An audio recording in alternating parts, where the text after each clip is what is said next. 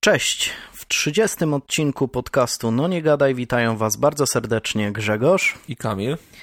Zróbcie sobie kawę, herbatę, yerbę i oczywiście zapnijcie pasy.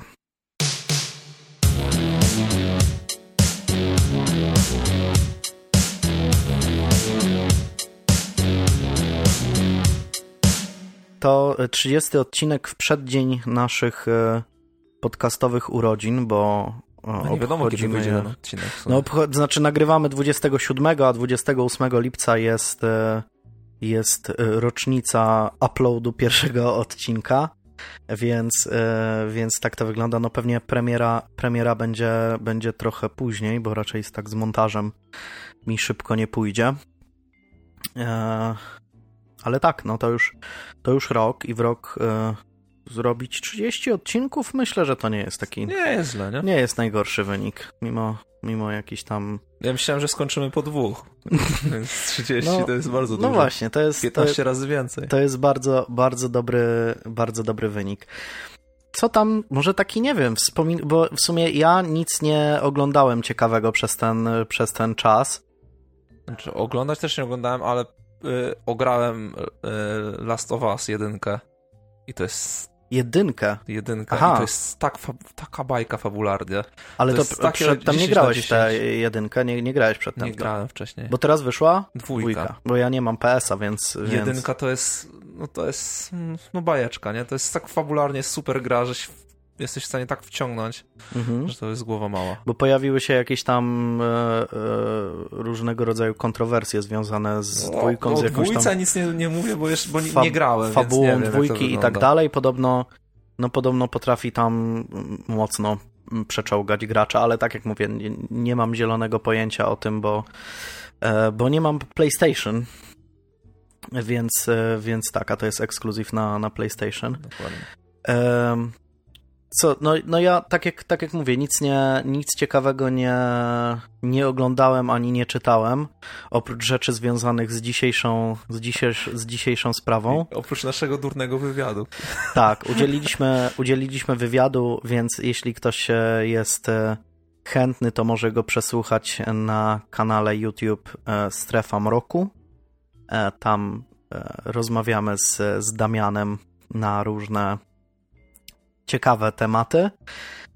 E, I, I tak, no myślę, myślę, myślę że, że, że warto posłuchać tego. E, zwłaszcza, że odzew jest dość, dość pozytywny, o dziwo. Chyba, że Damian usuwa komentarze, my nawet tego nie wiemy. Chyba, że tak, no nie chcę, żeby... Siebie my nie usuwamy za nie bardzo, ale... Nie chcę, żeby nam, nie, nie chcę, żeby nam było smutno, może, może tak, może no, tak. Fajny, fajny chłopak, więc, więc może no, tak. Może tak jest. Ale jeśli chodzi, jeśli chodzi o jakieś takie e, e, podsumowanie tego, tego roku, nie wiem, e, no mówisz, że nie, nie spodziewałeś się w ogóle tego, że, że nagramy 30 odcinków. Nie, no. I że po roku wciąż będziemy nagrywać. Broń Boże. Myślałem, że, że skończymy na drugim i nam się po prostu to znudzi. Drugi, może, może trzeci jubileuszowy byśmy taki trzeci nagrali, taki kończący. Trylogia. Trylogia. Tryptyk. To znaczy, ja, e, ja byłem pozytywnie nastawiony na samym początku, ale, ale na pewno nie myślałem, że będzie nas słuchało aż tyle. Tylko ty, ty jak za, zaczynałeś, to ty bardziej znałeś już tą, e, ten, całe to po, społeczeństwo, to, mm -hmm, całe tak, community, po, całe. Podcastosferę. Tak, true crime'u, a ja totalnie byłem to znaczy znałem, znałem, nie znałem. Słuchałem trochę podcastów, ale to też głównie anglojęzycznych. E, tyle znałem e, spo, społeczność e, twórców True Crime, co pisałem do, do, do niektórych o, o jakieś tam porady, między innymi do, do, do dziewczyn z prawdziwych zbrodni. Serdecznie pozdrawiamy. Karoliny a, a, a tak to, tak to aż, tak, aż tak nie znałem, ale, ale no, na pewno nie myślałem, że będzie nas słuchało aż e, tyle, tyle ludzi i, i, i nie myślałem, że ten odzew przyjdzie tak, tak szybko w sumie, bo by, chyba zostaliśmy dość mocno zaskoczeni tym, jak, jak szybko gdzieś tam ta, ta, ta, ta, ta ilość słuchaczy zaczęła, zaczęła narastać, więc, więc no to jest, to jest spore, spore zaskoczenie. I, i, i ludzie, z którymi jesteśmy w kontakcie gdzieś tam na grupie i tak dalej, no to to jest bardzo bardzo fajne. No, no nie, nie pomyślałbym, może nie, że po roku nie będziemy nagrywać, ale nie, nie pomyślałbym, że po roku mm, będzie to na takim, na takim etapie. No. Nie wiem, zobaczymy, zobaczymy, e, co, co, co dalej, co przyniesie, co przyniesie czas. Na jakieś tam różne, różne plany są. Jesteśmy też w kontakcie z. Teraz jesteśmy w sumie w kontakcie większym. Ja, ja przynajmniej też jestem w większym kontakcie z innymi twórcami True Crime których, których nie, niektórych powiedzmy bardziej poznałem, więc no, plany są, są różne, niektóre bardzo szeroko zakrojone, więc zobaczymy, co z tego, co z tego wyjdzie. W kuluarach są różnego rodzaju rozmowy, więc, więc zobaczymy, czy, czy pozostanie to na etapie jakichś takich e, kosmicznych planów, czy, czy, czy może, może coś z tego coś z tego ale wyjdzie. mówisz o czymś, o czym, co ja wiem, czy, czy nie, do, nie, o czymś, znam? nie, o czymś, e, o czymś, o czym, o czym wiesz, no różnego rodzaju takie, wiesz, takie różne, A, no różne dobra, jakieś dobra, takie dobra, ma tak, masowe akcje. Zobaczymy. Myślałem, że wrzucasz, wrzucasz coś nowego. Nie, nie, nie, nie, nie, nie, nie, nie, nie, nie, nie, nie mam żadnych tajnych planów. Myślałem, że to będzie jakiś... Nie, nie, nie. Tajnych, tajnych nie mam, ale, ale no, no zobaczymy, w którą stronę którą stronę to pójdzie. Mówisz nic, Zenka nie oglądałeś, jest, no nie na, Netflix, jest no. na Netflixie, chłopie. No ale mówiłem ci, sam ci powiedziałem, że jest na Netflixie, bo sam, sam go tam wyczaiłem, ale, ale no nie miałem czasu, no co, co zrobię? No nie miałem. Mm, to ja nie wiem. Jak już Zenka nawet nie, nie obejrzałeś, bo ja tu się nastawiałem głównie, nawet nic sobie nie, nie, nie przygotowałem, nawet nic na siłę nie oglądałem, bo mówię, no. pewnie będziemy rozmawiać o, o Zenku no. e, jakieś pół godziny, w tym mm, z sekcji e, mm, tej e, Bajdużonko. Bajdużonka, tak, ale no ale widzisz, no, no strasznie mnie rozczarowałeś tutaj pod tym względem. No tutaj naprawdę minus. Więc, e, więc nie wiem, no Real Madryt ma mistrza, więc pewnie, pewnie też tam się zainteresowałeś tym. No ale to już, to już nie wiem, czy no, jak na ostatnim odcinku byli? Nie, chyba, chyba jeszcze nie. jeszcze nie. Chyba jeszcze nie. E, historyczne zwy, zwycięstwo e, Krakowi w finale Pucharu Polski, no tego typu, tego no, typu rzeczy. No. Tego, typu. Ale nie wiem, czy to sens jest o tym rozmawiać, no. Zupełnie, ale oglądałeś? Nie. A w życiu? W życiu. A znaczy ja w ogóle Pucharu Polski to nawet, nawet jak jakaś drużyna, którą, którą bardziej jakoś tak cenię, gra, Puchar to, Polski to można potrafię no przegapić. w tym y, okręgowym bardziej Tak, stylu, no nie? nie, no to mm, te... Okręgowy mistrz...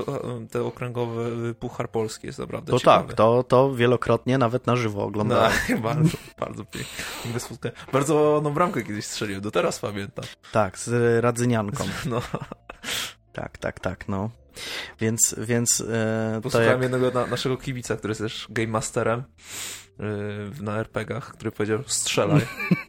No i po prostu, no, przymierzyłaś. Tak to, tak, tak to trzeba. Trzeba słuchać kibiców. Dokładnie, dokładnie.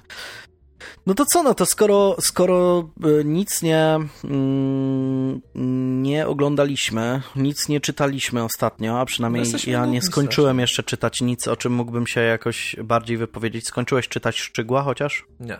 No to nic, no to, no to chyba przechodzimy do, do sekcji, sekcji kry, kryminalnej, a jedna rzecz, którą chciałbym, chciałbym podkreślić tutaj, e, został na naszej grupie zapoczątkowany bardzo e, miły zwyczaj. znaczy, zwyczaj to dopiero będzie, jak e, się to powtórzy, ale mm, nasza słuchaczka Oliwia przygotowała fanart o, rysunek, y, na którym jesteśmy my. I myślę, że to byłaby bardzo fajna tradycja, gdybyście, jeśli oczywiście lubicie rysować. Niekoniecznie umiecie, bo to nie jest konieczne. Jeśli chcecie, to przesyłajcie nam fanarty, y, y, rysunki z nami lub związane z, z naszym podcastem. To by było bardzo miłe. Na pewno wszystkie trafią do nas na, na grupę i będziemy, będziemy, będziemy bardzo, bardzo e, uradowani z tego, bo bo naprawdę się cieplutko na serduszku robi. E, rysunek Oliwii jest naprawdę super, więc możecie zobaczyć go na naszej e, grupie. I zapraszamy do, do, do przygotowywania kolejnych fanartów. Nie wiem, lepienia nas z plasteliny, czy, czy robienia ludzików jakieś. z kasztanów, no, no, To, to już e, za jakiś czas będzie, będzie można pozbierać kasztany i zrobić mm, kasztaniaki. Dobra, to w takim razie, skoro, skoro, skoro, skoro, skoro. No, skoro mm, jesteśmy nudni. Skoro jesteśmy tak nudni, że nic nie robimy, to, to w takim razie przechodzimy od Tylko razu. zarabiamy pieniądze. Nie do sekcji kryminalnej.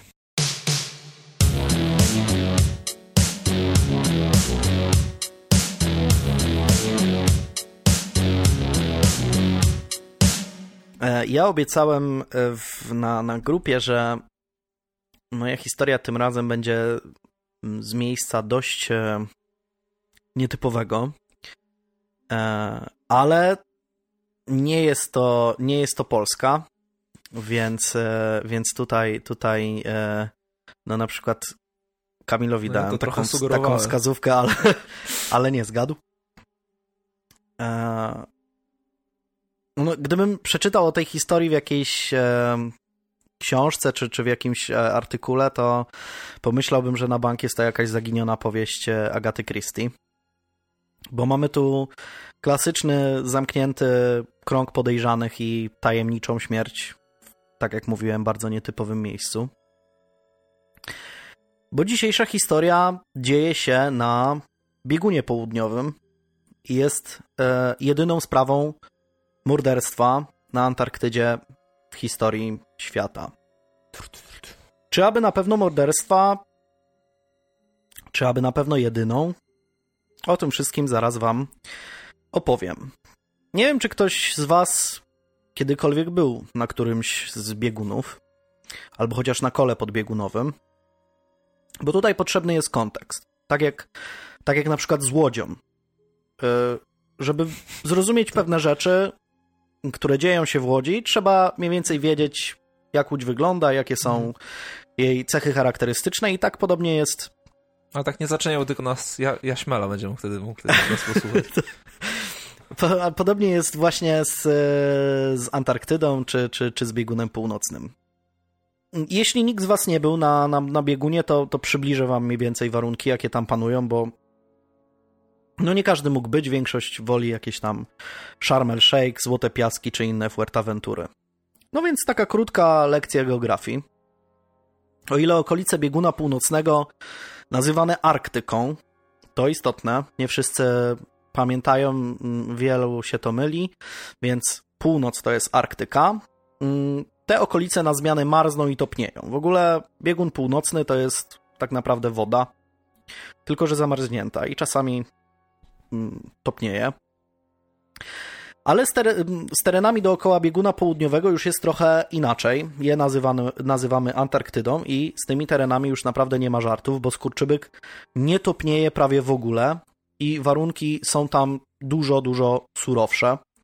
Myśląc o Arktyce i Antarktydzie możecie sobie mniej więcej wyobrazić, zobrazować e, to tym memem z tym takim smutnym pieskiem i tym takim drugim przypakowanym. To ten mały piesek to jest Arktyka, taki właśnie rozpuszczony, taki cieplutki, a ten spasiony taki kaban, pies, wielki pies, to jest Antarktyda. No ale też musimy, muszę, powinieneś od tego zacząć, że powinniśmy przyjąć, że Ziemia nie jest płaska. Tak, to znaczy w ogóle tutaj y, na pewno ta historia będzie jednym wielkim bólem głowy dla, dla płaskoziemców, bo tutaj wszystko, no mówię, jest na Antarktydzie, która, no, jak dobrze wiemy, nie istnieje. Y, na Antarktydzie śnieg w niektórych jej częściach w ogóle nie topnieje, bo jest tam tak pieruńsko zimno. Średnia temperatura roczna to minus 57 stopni Celsjusza. Mm, tam też, a dokładnie na, mm, dokładnie na radzieckiej stacji polarnej Wostok w 1983 roku została zanotowana najniższa temperatura na powierzchni Ziemi, czyli minus 89,2 stopnie Celsjusza, czyli jakiś totalny hardcore. Na Antarktydzie zresztą znajduje się mniej więcej 90% całego lodu Ziemi. Gdyby w jednej chwili cały ten lód się roztopił, to poziom mórz i oceanów podniósłby się mniej więcej o 60 metrów. Na obszarach Arktyki żyje też całkiem sporo e, różnych zwierząt. Mówimy tutaj o e, Arktyce. E, choć wbrew temu, co pokazują reklamy różnych napojów czy lodów na patyku, niedźwiedź polarny w naturalnych warunkach nie jest w stanie spotkać się w żaden sposób z pingwinem. W Arktyce jest bardzo fajnie. Mieszkają tam niedźwiedzie polarne i niedźwiedzie grizzly, lisy polarne, lemingi, foki, wilki, morsy, różne walenie, takie jak narwale, orki, bieługi czy wieloryby, więc jest cała pełna paleta różnych zwierząt, łącznie z takimi, które fajnie jest sobie pogłaskać, e, nie wiem, pokarmić, mm, różne tego typu rzeczy. Dla odmiany, jeśli lubisz głaskać właśnie puchate zwierzątka, to na Antarktydzie możesz się bardzo rozczarować, bo nie spotkasz tam totalnie nic oprócz pingwinów i kilku gatunków jakichś tam fok. Dobra, ale pingwiny są super, więc... No, pingwiny są super, ale pingwiny są takie... No nie zaprzyjaźnisz Oj, się uważaj, z nie? Chyba, uważaj że, na słowa. Chyba, że, uważaj na słowa, Chyba, kolego. że w bajkach. No nie, no wydaje mi się, że pingwiny... Ja dużo bardziej wolałbym na przykład z takim polarnym lisem sobie biegać gdzieś. Albo lemmingiem. Polecam film Pingwiny na HBO. No tak, nie, no film, to już super. kiedyś chyba zresztą go polecałeś. To tak samo, nie wiem, pingwiny z Madagaskaru, czy tupot O, to małych stóp. super, no. Tupot małych stóp jest fajne. No. Ale, ale tak, gdybym miał Nie wybierać, to wolałbym takiego lisa polarnego chyba, niż pingwina. Pingwiny wcale nie są takie... Tak mi się wydaje przynajmniej. Już połowa wyłączyła. E, Nie ma na Antarktydzie jednak no, żadnego fajnego misia, wilka czy lisa, z którym można by się zaprzyjaźnić. Jednym słowem, koszmar totalny. Zainteresowanie Arktyką wynika mm, z faktu, że znajdują się tam ogromne złoża ropy. Naukowcy wciąż spierają się, czy jest to tylko jedna czwarta całych ziemskich zasobów, czy może aż połowa zasobów Ziemi. Są też imperia takie jak USA, Rosja, od niedawna też Chiny spierają się, kto gdzie wbije swoją flagę i będzie mógł eksploatować te ogromne złoża. Z Antarktydą sprawa ma się trochę inaczej, ponieważ wydobycie jakichkolwiek surowców na tym terenie jest zakazane póki co do 2048 roku przez tak zwany Układ Antarktyczny, który reguluje prawo międzynarodowe dotyczące tych terenów. Układ Antarktyczny powstał zresztą właśnie dlatego, że jest to jedyny niezamieszkały kontynent na świecie i póki co nie odnaleziono tam żadnych e, śladów osadnictwa ani nic takiego. Dla odmiany w Arktyce, czyli właśnie na północy, w zależności jak wytyczymy jej dokładne granice, mieszka na stałe nawet ponad 4 miliony ludzi, w tym tylko 10% stanowi ludność rdzenna, taka jak Inuici, Aleuci, Atabaskowie czy Saamowie. Tu należy uważać na to, że w Polsce i na świecie wciąż wiele osób mówi na te ludy per Eskimosi, czego e, sami Inuici mm, mm, nie lubią, bo oznacza to ludzie jedzący surowe mięso. Więc jeśli rozmawiasz z jakimś Inuitą, to nie nazywaj go Eskimosem, bo może się obrazić. Tak się składa, że człowiek ze swoim ciekawskim nosem wlezie wszędzie i oczywiście tak też jest nawet z Antarktydą. Tak nie, akcentuję się tego słowa.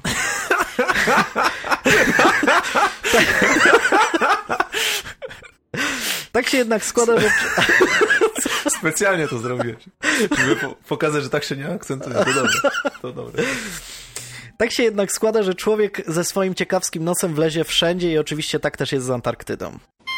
Już pod koniec XIX wieku zaczęto stawiać się na tym nieprzystępnym terenie pierwsze bazy i tak do dnia dzisiejszego nastawiano ich całą masę, z czego obecnie prawie 50 działa całorocznie, a drugie tyle tylko w okresie letnim. Polska zresztą też ma swoją własną bazę badawczą e, na Antarktydzie i jest to Polska Stacja Antarktyczna imienia Henryka Arctowskiego, położona na wyspie Króla Jerzego.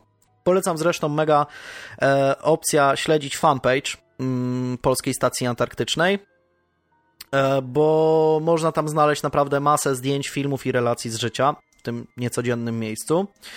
E, w 2023 roku zresztą mm, stacja ma otrzymać swoją nową siedzibę.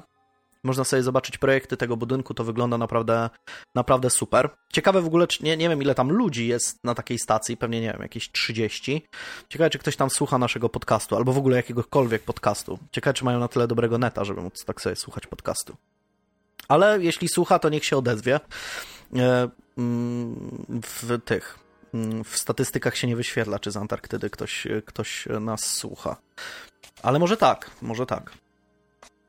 Miejscem akcji dzisiejszej historii jednak nie jest polska stacja, a stacja amerykańska o nazwie Amundsen Scott. Baza ta została wybudowana w listopadzie 1956 roku i nazwana na cześć dwóch wybitnych odkrywców i badaczy Antarktydy, Roalda Amundsena i Roberta Scotta.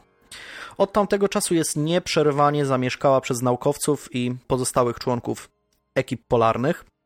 Nie będę tu teraz przechodził w kolejne dygresje, dygresje dotyczące dla odmiany dwóch jego mościów, czyli Amundsena i Scotta, bo odpłynąłbym totalnie, ale zainteresowanym polecę jedynie mm, książkę mm, Amundsen Ostatni Wiking, opowiadającą właśnie o życiu mm, Roalda Amundsena, jego y, wyprawach i tak dalej. Naprawdę warto. A to wódeczka nie jest? Tak się nie nazywa? Amundsen nie ma takiej wódki? Jest chyba, no. no. Chyba jest taka wódka. No to też, to na, cześć, też na cześć pana, e, pana Roalda Amundsena. Co ważne, stacja Amundsen e, Scott nie znajduje się na terenie bardziej przystępnym klimatycznie i logistycznie, jak większość stacji, które ulokowane są blisko linii brzegowej, a baza ta mm, stoi praktycznie w samym środku Antarktydy i jest najbardziej wysuniętą na południe na całym kontynencie. A na dodatek znajduje się na wysokości ponad, ponad 2800 metrów nad poziomem morza. Jak ktoś uważał na geografii, to wie, że rysy na przykład mają 2503, więc nie ma, nie ma żartów. To właśnie na niej w wyjątkowo dziwnych i podejrzanych okolicznościach przyszło umrzeć Rodneyowi Marksowi. Ale po kolei.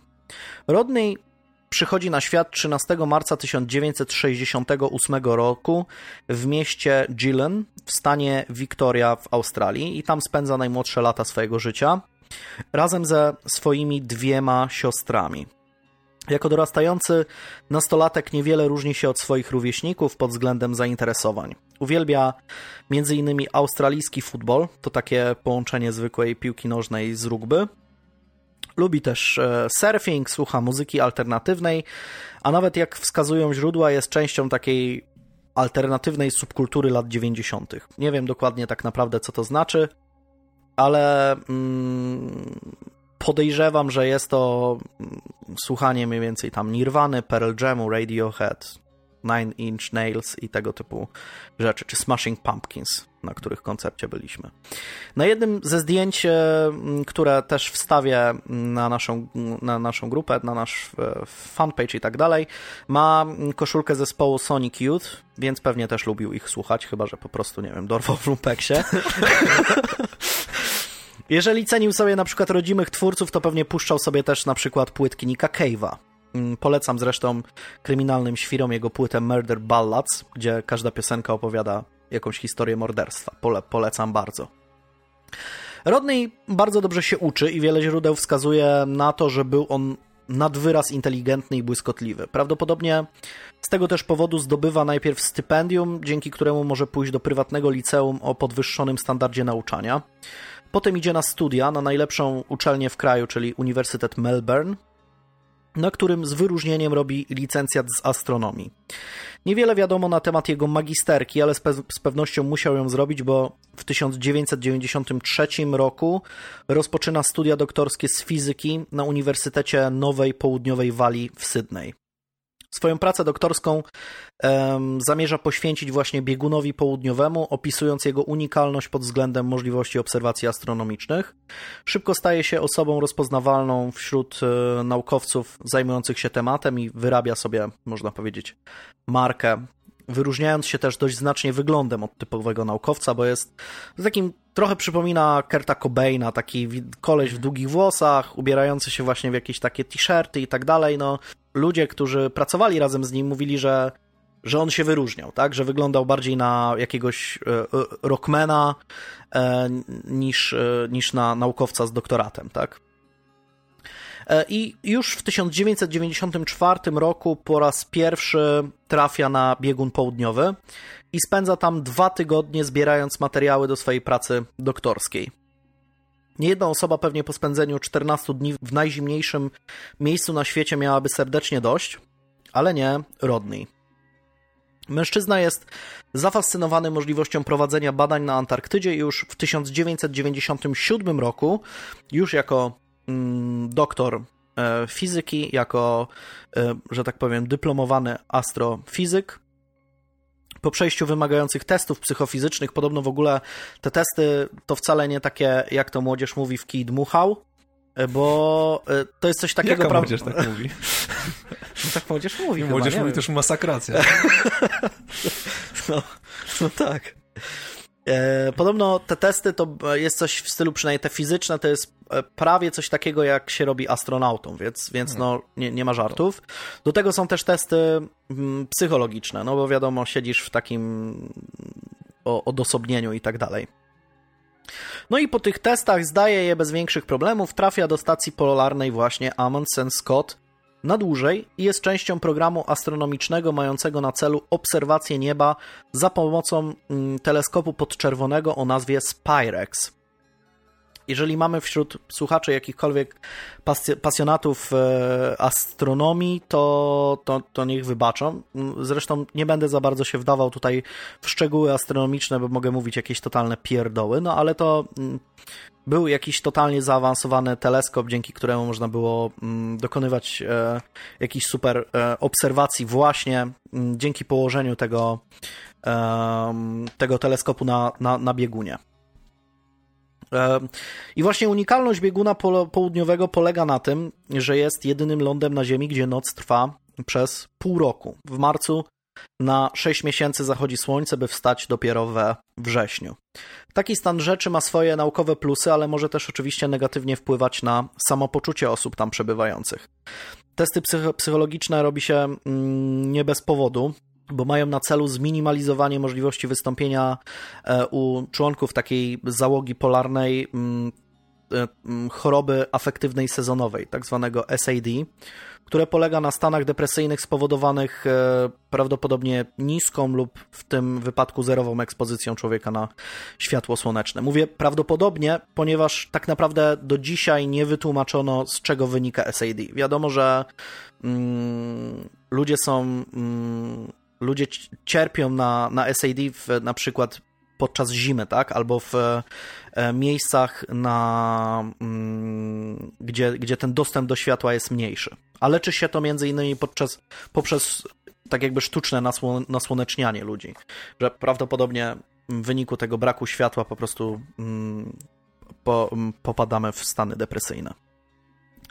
Należy pamiętać, że nie dość, że Antarktyda w ogóle jest miejscem dość nieprzystępnym, to na dodatek stacja Amundsen Scott jest położona wyjątkowo niefortunnie. Na stację można się dostać samolotem tylko w okresie letnim, między październikiem a lutym. Obecnie istnieje jeszcze autostrada o długości 1600 km między położoną nad brzegiem oceanu stacją McMurdo a stacją Amundsen Scott. Jednak w latach 90. Mm, tej autos, autos, autostrada, no oczywiście to jest w cudzysłowie autostrada, to jest po prostu taki bardziej ubity śnieg, którym można sobie pojechać, ale taka podróż trwa no strasznie długo. E, ale tej autostrady jeszcze wtedy e, nie było. Gdy mm, Rodney Marks pracuje w bazie między październikiem a lutym, między stacją a resztą świata, jakikolwiek transport praktycznie nie istnieje. No, w ogóle nie istnieje. Gdyby się cokolwiek działo, to nie ma opcji, że ktokolwiek przyleci. W tym czasie też pracuje tam tylko bardzo okrojony, niezbędny skład osobowy, nie przekraczający 50 osób, z czego tylko 10 to naukowcy. Reszta zajmuje się utrzymaniem stacji w porządku, konserwacją, nie wiem, tam gotowaniem i tak dalej. W okresie letnim za to stacja Amundsen Scott jest w stanie przyjąć nawet 150 osób, więc wtedy robi się tam bardzo tłoczno.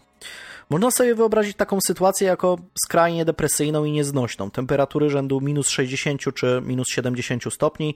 Sprawdziłem, na przykład teraz jest tam jakieś minus 52 stopnie Celsjusza. Silne wiatry, nieprzerwana noc, praktycznie brak możliwości ewakuacji w sytuacjach awaryjnych. Jeśli, nie wiem, przypomniałeś sobie, że nie wyłączyłeś żelazka, no to... To masz problem. To, to, to, to możesz to sprawdzić, czy faktycznie tak się stało, możesz za, za pół roku. Odpali sobie interior i sprawdzi, czy, czy nie ma wiadomości, że ktoś spalił chałupę. Rodney jednak zaskakująco dobrze radzi sobie z niewygodami życia na biegunie, a wręcz e, znajduje w tym sporo przyjemności. Zresztą, gdy jego pierwsza dłuższa przygoda z Antarktydą kończy się w 1998 roku, ten od razu szuka możliwości powrotu i udaje mu się. Już w listopadzie 1999 roku wraca na biegun po raz kolejny na roczny kontrakt, podczas którego prowadzi e, obserwacje już przy użyciu innego teleskopu. Ten nazywa się Astro E, I dzięki jego pracy, mm, pomysłom podobno udało się dokonać w tym czasie wielu wartościowych e, badań i obserwacji. Nie będę wchodził, czego one do, dotyczyły, bo pewnie będę mówiłbym jakieś totalne pierdoły. Jedno jest pewne, e, Rodney jest zauważany w grupie jako bardzo sprawny. Ciekawe, czy sprawny warsztatowo też. E, sprawny i błyskotliwy naukowiec ze sporą wyobraźnią. Zawsze na stanowisku pracy pojawia się wcześnie i nie spogląda na zegarek, często kończąc pracę jako ostatni. Jednocześnie wiele osób pozytywnie wspomina go jako bardzo uprzejmego i dowcipnego. Może wydać się to całkowicie normalne, ale wielu jego kolegów zwraca uwagę mm, na to, że Rodney pomimo swojego wykształcenia nie dystansuje się jakoś w żaden sposób od pracowników niższego szczebla. Traktuje wszystkich jednakowo, mm, podobno gra z nimi w pokera, żartuje mm, przy drinku, częstuje papierosem i tak dalej. Mówi dzień dobry. Mówi dzień dobry, jak najbardziej. E, co więcej, zakłada też w bazie zespół rockowy, który nazywa Fanny Pack and the Big Nancy Boys, w którym gra na gitarze i śpiewa. I mm, od razu do niego werbuje innych członków ekipy polarnej, i tam w wielu różnych um, informacjach na, na blogach tych um, polarników można przeczytać, że to była jedna z niewielu rozrywek, która się tam w ogóle działa. No oni tam sobie koncertują e, na, na, na tej stacji, co, co, co daje sporo frajdy mm, członkom ekipy. W ten sposób też e, nawiązuje bliską relację z Sonią e, Walter, która gra w kapeli na gitarze basowej i jest częścią tak zwanego personelu nienaukowego, czyli tam zajmuje się konserwacją, magazynem i tego typu rzeczami. Szybko przyjaźń między nimi przeistacza się w regularny związek, który koledzy Rodneya i Sony opisują jako wyjątkowo dobrze dobrany. Pierwotne plany dziewczyny e, zakładały powrót do domu po tym okresie letnim, jednak tak bardzo chce być przy mm, Rodneyu, że aplikuje o pozostanie w bazie na czas zimy i jej wniosek zostaje rozpatrzony pozytywnie. Czyli było buzi buzi. Prawdopodobnie było buzi buzi. E, tydzień przed planowaną datą powrotu otrzymuje okejkę od tej tam swoich przełożonych, że może zostać na zimę. E, para podobno ma bardzo wiele wspólnych tematów, zainteresowań. E, wyróżniają się mm, wśród personelu, bo farbują sobie włosy. Rodney mm, farbuje sobie włosy na kolor fioletowy, a Sonia na kolor zielony. E, I mm, są zaręczeni i planują ślub. We wspomnieniach o Rodneyu pojawia się też dość wyraźnie problem, z którym mężczyzna się boryka, mianowicie lubi wypić. E, jedni mówią, że jest to spowodowane po prostu chęcią odprężenia i sposobem na dobrą zabawę, inni mówią, że zagląda do kieliszka głównie dlatego, że po kilku głębszych bardziej panuje nad tikami nerwowymi. Wynikają one z faktu, że Rodney cierpi na zespół Tureta. Mm, co prawda te objawy są bardzo lekkie e, i niektórzy nawet nie zauważają, że, mm, że, że mm, nie zauważają w jego zachowaniu niczego nienaturalnego. Rodney jednak ma pewnego rodzaju kompleks wynikający ze swojego schorzenia i um, zauważa, że gdy wypije, to te objawy znikają albo są mniej nasilone. Bliscy znajomi twierdzą jednak, że nie był on alkoholikiem, nie zaniedbywał swoich obowiązków, a wręcz przeciwnie należał do wyjątkowo pracowitych i sprawnych warsztatowo. Fakty jednak są takie, że wbrew pozorom stacja Amundsen Scott, przynajmniej w tamtym czasie, e, to doskonałe miejsce dla miłośników różnego rodzaju alkoholu. Sonia Walter na swoim blogu wspomina o tym, że piwo, wino i gorzała były dostępne praktycznie bez limitu, z czego z zamiłowaniem wszyscy korzystali, więc e, Rodney nie był jakąś jedyną osobą, która piła, wszyscy tam, nie wiem, pili wodę, a on wódkę. Tylko no raczej... Ale to nazwa wtedy tej stacji pasuje, nie? Wtedy ten tak, tak, tak, no. E, ale, ale no właśnie wszyscy z tego korzystali. W bazie nawet... E, Bo piwo to jak rosół, nie? Dokładnie. To jest zupa z chmielu. W bazie też e, znajdowała się mm, taka aparatura do pędzenia bimbru, yeah. którą kolejne ekipy przekazywały sobie jak najcenniejszy skarb, że nawet podobno była taka cała, cała proces się otrzymywało w spadku jakby po, po taka poprzedniej ceremonia ekipie. pewnie. Tak, tak, tak, no, że to była taka, no to mówię, no to był cenny skarb, takie, takie coś. No ale w końcu nadchodzi czwartek 11 maja 2000 roku i zaczynają się dziać dziwne rzeczy. Rodney opuszcza stanowisko pracy w tak zwanym ciemnym sektorze, który jest oddalony o mniej więcej kilometr od głównej bazy i wolny od sztucznych świateł i fal radiowych, które utrudniałyby obserwację. No i to właśnie tam stoi teleskop Astro na specjalnie do tego zaprojektowanej platformie. Z teleskopem podobno w ostatnim czasie były jakieś problemy, które mm, wymagały przeprowadzenia napraw, które mm, wykonywał e, Rodney. Wysyłał zresztą regularne raporty do swoich przełożonych czy tam kierowników projektu, gdzie opisywał postępy prac. E, zachowuje zresztą w tych raportach e, pozytywne nastawienie, nie szczędzi mm, humoru. Pisze zresztą czasami pozdrowienia ze słonecznego południa albo tego typu jakieś tam śmieszne. Śmieszek. Tak, śmieszne, tak, taki śmieszek. No i mężczyzna idzie w stronę bazy, by zjeść tam kolację ze swoją narzeczoną i już po drodze nie czuje się najlepiej. Podczas samego posiłku około 18.30 również mówi Sony, że coś jest nie tak z jego zdrowiem. Wspomina też o tym, że ma e, podrażnione oczy. Je bardzo niewiele i wypija do kolacji puszeczkę piwa, wiadomo, piwka. się nie liczy kolacja bez piwka. Oczywiście. Rodney nie panikuje, nie zgłasza się na razie do lekarza i uznaje, że sen dobrze mu zrobi. Kładzie się więc do łóżka wcześniej. Podobno było to dla niego dość nietypowe, żeby kłaść się tak, tak wcześnie. Mm, no i ma nadzieję, że to tylko jakaś tam chwilowa niedyspozycja. Zasypia około godziny 21.30. Śpi jednak, mm, śpi jednak bardzo niespokojnie, a objawy zaczynają się jeszcze bardziej nasilać. Wstaje wielokrotnie z powodu mm, bólu brzucha. Bierze wtedy kilka tabletek antacidu, to jest jakiś taki lek na niestrawność. W końcu na dobre budzi się około godziny 5.30 rano. Ma problemy z oddychaniem i wymiotuje krwią. No to już nie może być zwykłe przeziębienie czy grypa. Wstaje z łóżka i przed szóstą rano udaje się do lekarza, 40-letniego Roberta Thompsona. E, ten jednak mm, dość mocno bagatelizuje sprawę. Przeprowadza wywiad i gdy dowiaduje się, że Rodney ostatni raz spożywał alkohol 38 godzin temu, uznaje, że są to skutki odstawienia alkoholu jego dolegliwości są spowodowane irytacją i stresem.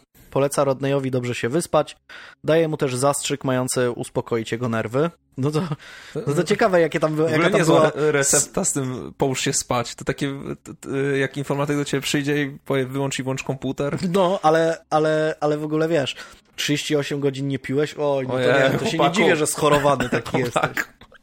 To tam taka sytuacja musiała być takiego, no zresztą mm, czytając niektóre, niektóre relacje mm, członków tej, tej załogi polarnej, no to można wywnioskować, że, że no chla, chlane tam było mm, na okrągło. To co to się w Polskiej dzieje? No, jestem ciekawy. Znaczy, podobno teraz się tam, przynajmniej w tej amerykańskiej, niby się tam trochę pozmieniało i, i, i jest to bardziej pod kontrolą, ale, ale w polskiej nie wiem. No, może, może, może mamy słuchacza na jakiejś stacji polarnej, to, to, nam, to nam opowie. Następne godziny jednak nie przynoszą żadnej poprawy, a jedynie postępujące nasilenie objawów. Mężczyzna ma coraz większe trudności z oddychaniem, ma niskie ciśnienie krwi, jest znacznie osłabiony i ma ciągłe mdłości.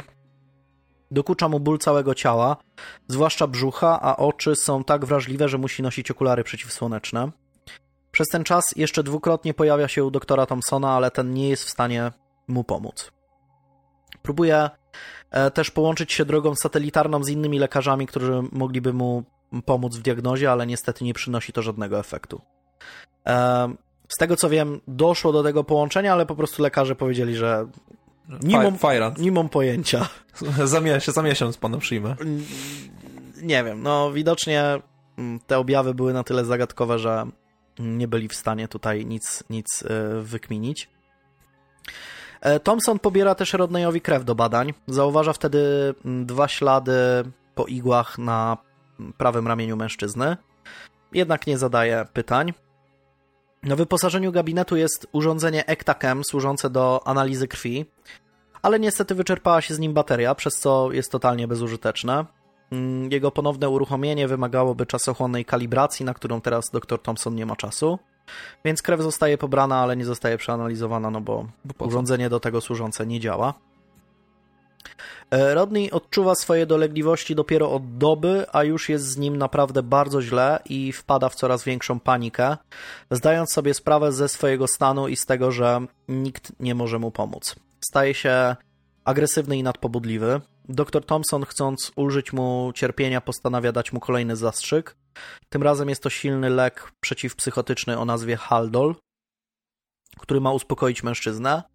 Zaraz po tym jego stan faktycznie zdaje się delikatnie poprawiać. E, Sonia na zawsze zapamięta ten moment. E, jego źrenice, wcześniej bardzo rozszerzone, zwężyły się. Narzeczony uścisnął jej rękę i jakby próbował podnieść się z łóżka. Po chwili jest jeszcze gorzej. Rodney przestaje oddychać. Ustaje też praca jego serca. Wtedy zostaje podniesiony alarm. Ekipa przeszkolona z zakresu udzielania pierwszej pomocy podejmuje próbę przywrócenia akcji serca. Reanimacja trwa 45 minut, ale niestety kończy się niepowodzeniem. W piątek, 12 maja o godzinie 18 czasu nowozelandzkiego zostaje stwierdzony zgon 32-letniego Rodneya Marksa. Sonia Walter do ostatnich chwil jest przy swoim narzeczonym. Stacja Amundsen Scott w tym czasie jest całkowicie odcięta od reszty świata, nie ma więc póki co możliwości przetransportowania zwłok ani przeprowadzenia ich sekcji.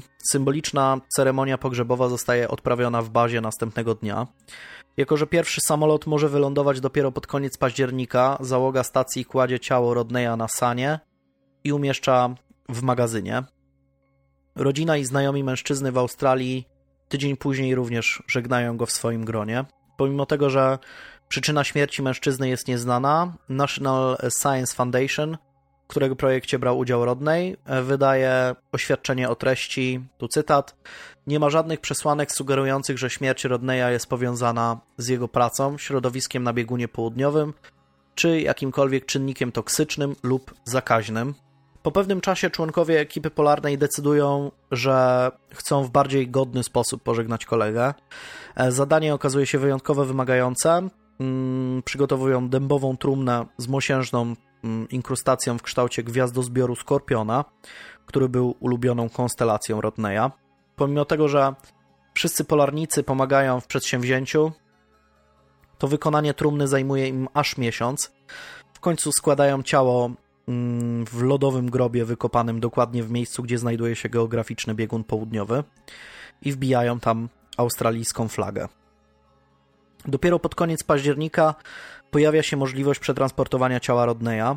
No, samolot zabiera zwłoki najpierw ze stacji Amundsen Scott do stacji McMurdo i dopiero stamtąd leci do Christchurch w Nowej Zelandii, które jest bazą wypadową wszystkich wypraw na Antarktydę.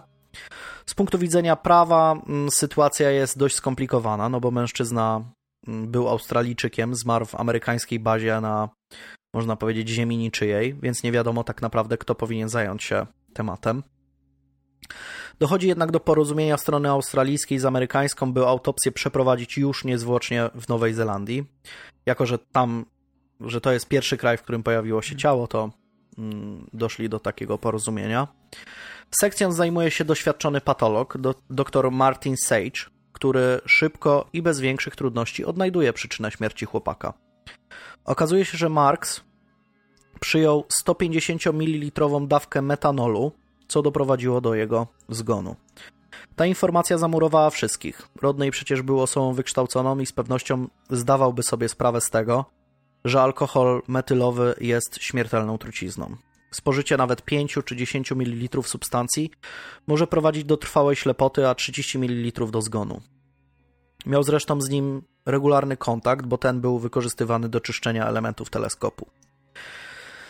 Odkrycie przyczyny śmierci mężczyzny zmienia zdecydowanie też kwalifikację całej sprawy.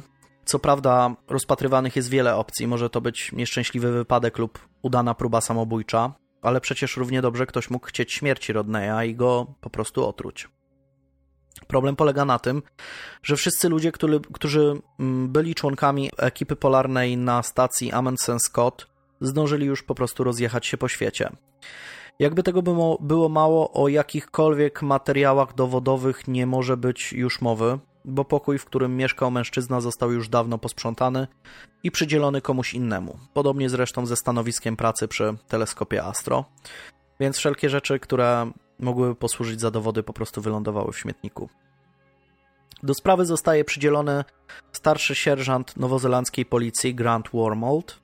Mm, po wstępnym przebadaniu sprawy wyklucza możliwość, że Rodney wypił 150, 150 ml metanolu, będąc tego całkowicie świadomym, na przykład chcąc popełnić samobójstwo lub, lub nie zdając sobie sprawy z jego toksyczności.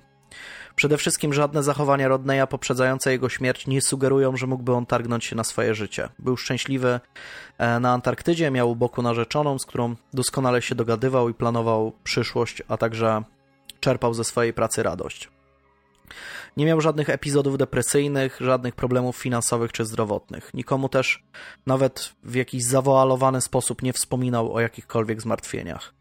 Poza tym gdy tylko pojawiły się u niego objawy typowe dla zatrucia metanolem, zaczął alarmować Sonię i udał się do lekarza, by ten mu pomógł. Gdyby, gdyby próbował się wycofać z próby samobójczej, to po prostu powiedziałby mm, lekarzowi, że otruł się alkoholem metylowym.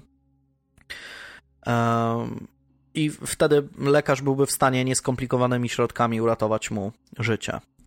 Nie podlega też wątpliwości, że otrucie metanolem to wyjątkowo zły wybór dla potencjalnego samobójcy. Nawet po zażyciu dużej dawki, znacznie przekraczającej śmiertelną, człowiek umiera w koszmarnej agonii.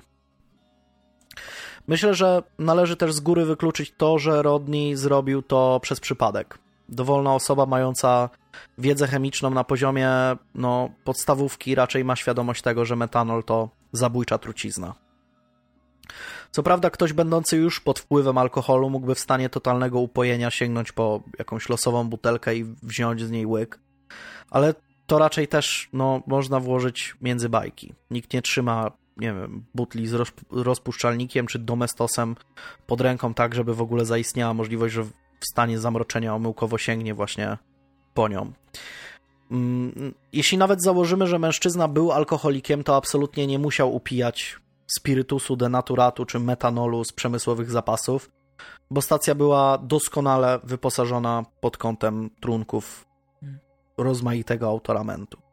Co prawda, na stacji pędzono też bimber, a także niektórzy przywozili butelki z różnymi alkoholami jakby ze sobą, ale w takiej sytuacji raczej doszłoby do zatrucia większej ilości osób, a nie samego Marksa. Zresztą wiele osób mówi, że pili ra razem gdzieś tam na jakichś imprezach e, w bazie, więc e, gdyby się zatruli, to, to, to wszyscy. Ale pamiętajmy, alkohol jest największym wrogiem mężczyzny. Jak najbardziej. Czy w takim razie ktoś mógłby chcieć śmierci Rodneya? Czy ktoś mógłby dolewać mu na przykład um, do drinków trujący alkohol po to, by się go pozbyć? Wielu członków ekipy wspomina, że mężczyzna miał w zwyczaju żartować często w dość bezpośredni sposób, który mógł być często opacznie zrozumiany. Podkreślają jednak, że gdy poczuł, że dowcip e, kogoś uraził, od razu starał się na, no, załagodzić sytuację. Na stacji w czasie polarnej zimy przebywało 50 osób, więc grono podejrzanych byłoby bardzo okrojone. Wszyscy polarnicy, którzy odnieśli się jakkolwiek do sprawy w mediach, twierdzą jednak zgodnie, że Rodney nie miał wrogów. Nikt, nie, nikt też przecież nic nie zyskałby na jego śmierci. E, jedna z wersji, mm, niektóre źródła wskazują wersję, że na przykład mógł to być prank. No. Ale nie wiem, ten, ten stary prank z dolewaniem metanolu do no. jedzenia, czy do zupy, czy nie wiem, do drinków. Stary, no dobry, znany prank. Meta, metanolowy prank. No, tak, no, to... Nie wiem, czy to jest fajny prank. No. It's a prank, bro! A tam... Sikanie do herbaty jest trochę... No to, to jest trochę coś w stylu sikania do herbaty. No, jest chamskie, ale przynajmniej nie umrzesz. No a te ślady od ten, bo e, tam jakieś były ślady strzykawek? Ktoś... E, jeśli chodzi Może o, ktoś, o ślady... Wiesz, ktoś go zaszczepił po prostu. Jeśli chodzi... A wiesz jak kończy się Możliwe. zaszczepienie? No autyzmem bardzo autyzmem często. bardzo często. E, jeśli chodzi o ślady, o ślady, ślady igieł, to tak jak mówię, dr Thompson nie zadawał zbędnych pytań. Podobno mm, w przeszłości, jeszcze przed e, dostaniem się na stację polarną. Się zaszczepił. E, nie, Rodney miał e, niby używać jakichś tam mm, narkotyków rekreacyjnych, że tak powiem. Mhm. No ale wtedy nie miałby świeżych śladów e, igły. Co więcej, był osobą praworęczną, a ślady igły miał na ręce prawej też, więc e, raczej gdyby był na przykład heroinistą, no to e, dokonywałby mm, iniekcji po, po, poprzez wkłucie się w lewą rękę, trzymając strzykawkę w prawej. Więc Sprawa, sprawa i, i śladów po igłach, zresztą te ślady później też zostały ujawnione w autopsji, tak naprawdę nie została wyjaśniona. Nie wiadomo skąd się to, to wzięło. Wiadomo, że mm, Rodney umarł poprzez spożycie metanolu. E, normalnie, drogą taką zwykłą. Więc, e, więc nie wiadomo tak naprawdę, czy, czy te, te, te ślady po igłach miały tutaj jakieś znaczenie, a jeśli miały, no to tak naprawdę nie wiadomo, nie wiadomo jakie. No nie wiem jak, jak tutaj tłumaczyć tą, tą wersję z prankiem, no bo wydaje mi się to totalnie bez sensu. No kto mógłby zrobić taki prank? No albo ktoś totalnie głupi, albo ktoś, kto naprawdę wyjątkowo nie lubi kogoś, bo to jest taki, no... Mocny. No, Rafoni, czarny, czarny humor. Rafonik zsikał do herbaty, ale no to, to sikanie do herbaty to jest no, dużo i tak przy tym, I tak przy tym jest dość, dość lajtowe. E, dziwi też podejście do sprawy ze strony tej National Science Foundation, mm, która zarządza stacją. Wielokrotnie stawała na drodze wyjaśnienia sprawy, zbywała wnioski mm, Wormalda o udostępnianie materiałów z ich badań, przez co docierały do niego jedynie szczątkowe informacje, które niewiele wnosiły do sprawy. National Science Foundation co prawda zgodziła się na to, by Wormald rozesłał do 49 członków ekipy zimującej razem z Marksem na stacji Amundsen Scott takie kwestionariusze, które pomogłyby w rozwiązaniu zagadki śmierci ich kolegi, ale znacznie ingerowała w pytania, które mogą być zadane. Wormald otrzymał jedynie na 13 kwestionariuszy mm, odpowiedzi. Prawdopodobnie pozostali członkowie załogi pod wpływem nacisków ze strony mm, NSF zdecydowali się milczeć. Śledczemu nie udało się też nawiązać kontaktu z samym doktorem Robertem Thompsonem, który mógłby udzielić bezcennych informacji w tej kwestii. Strona amerykańska wraz z NFS bez wątpienia przeprowadziła swoje własne wewnętrzne śledztwo, jednak nie, po, nie podzieliła się jego dokumentacją z sierżantem Wormoldem. We wrześniu 2008 roku nowozelandzki koroner e, Richard McElry mm, opublikował ostateczny raport w sprawie, w którym napisał, że tu cytat: Rodney David Marks zmarł e, z powodu ostrego zatrucia metanolem, do którego doszło dzień lub dwa dni wcześniej, z powodu nieświadomości przedawkowania lub braku wiedzy na temat możliwych skutków. Sierżant Wormold jednak całkowicie nie zgadza się z takimi wnioskami i uważa, że jest to absolutnie niemożliwe, żeby mężczyzna nie zdawał sobie sprawy z konsekwencji wypicia trucizny. Fakty jednak są takie, że prawdopodobnie nigdy nie dowiemy się, co wydarzyło się na stacji polarnej Amundsen Scott w maju 2000 roku. Rodney został ponownie pochowany w rodzinnym Geelong. Mm, nie zapomnieli o nim też kolejni polarnicy, którzy, którzy trafiają do bazy. Flaga Australii, która została wbita w ziemię w miejscu, gdzie tymczasowo spoczęło ciało jeszcze do niedawna wciąż tkwiła właśnie w tym miejscu. E, chociaż materiał jest wymieniany co roku. Nie wiem, czy jest tak do teraz, ale jeszcze kilka lat temu podobno ta flaga cały czas e, była w tym miejscu. Kilkoro mm, członków e, tych, tych załóg polarnych twierdzi, że NSF podobno wielokrotnie walczyłoby pozbyć się te, tego zwyczaju trzymania tej flagi. Więc widocznie coś tam ich uwiera w kwestii Rod Rodneya Marksa. Po prostu chcą, nie wiem, tak jakby, żeby zapomnieć o tym wszystkim. Jeden z blogów, który opisuje życie w bazie Amundsen Scott, informuje dla odmiany, że duch Rodneya wciąż jest obecny na stacji. Trudno powiedzieć, czy faktycznie Marks był pierwszą ofiarą morderstwa na biegunie południowym. Nie podlega jednak wątpliwości, że Okoliczności jego śmierci są bardzo tajemnicze. Jeśli chodzi o ciekawostki, to przebywanie w tak skupionej grupie ludzi, w tak nieprzystępnych warunkach, oczywiście prowadzi do różnego rodzaju napięć, więc konflikty w stacjach polarnych zdarzały się już kilkukrotnie. W 1959 roku w radzieckiej stacji Wostok dwóch naukowców pokłóciło się po rozegranej partii szachów. Przegrany był do tego stopnia niepogodzony z porażką, że chwycił za czekan i zaatakował swojego przeciwnika. Źródła są sprzeczne co do tego, czy zakończyło się to śmiercią e, tego, tego naukowca, czy, czy nie. Ale niektóre z nich wskazują na to, że po tym incydencie w radzieckich bazach, a obecnie w rosyjskich, e, zakazana jest gra w szachy. Tak właśnie myślałem, ale nie, to będzie za głupie. nie wiem, wiele źródeł to wskazuje. Mi też się to wydaje totalnie abstrakcyjne, ale... Ale, ale naprawdę, chciałem to zasugerować, ale mówię, nie no. 12 kwietnia 1984 roku argentyńska stacja e, Almirante Brown została podpalona przez lekarza będącego jednocześnie jej kierownikiem, gdy powiadomiono go, że będzie musiał zostać na Antarktydzie jeszcze na zimę. Nikt jednak nie ucierpiał, bo personel bazy został ewakuowany na statek i przetransportowany awaryjnie do bazy amerykańskiej. 9 października 1996 roku w bazie McMurdo dwóch pracowników kuchni pokłóciło się do tego stopnia, że w ruch poszedł młotek.